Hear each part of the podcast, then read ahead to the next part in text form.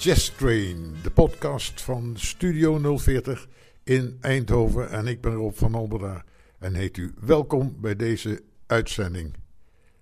All the Things You Are is een klassieker uit het American Songbook. In de jaren 50 en 60 van de vorige eeuw lieten jazzmuzici zich door bepaalde nummers inspireren. Extra inspireren zou je kunnen zeggen. All the Things You Are is daar een goed voorbeeld van. In deze uitzending laat ik u zeven uitvoeringen horen. We beginnen met een uitvoering door het trio van pianist Bud Powell met als gast tenorsaxofonist Coleman Hawkins.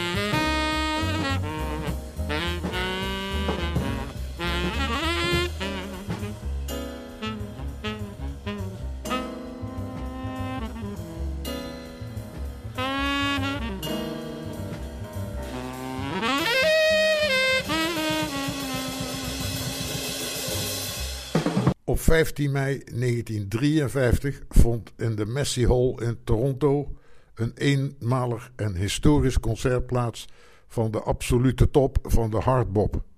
Met saxofonist Charlie Parker, Dizzy Gillespie, Bud Powell, daar hebben we hem weer, Max Roach en Charles Mingus.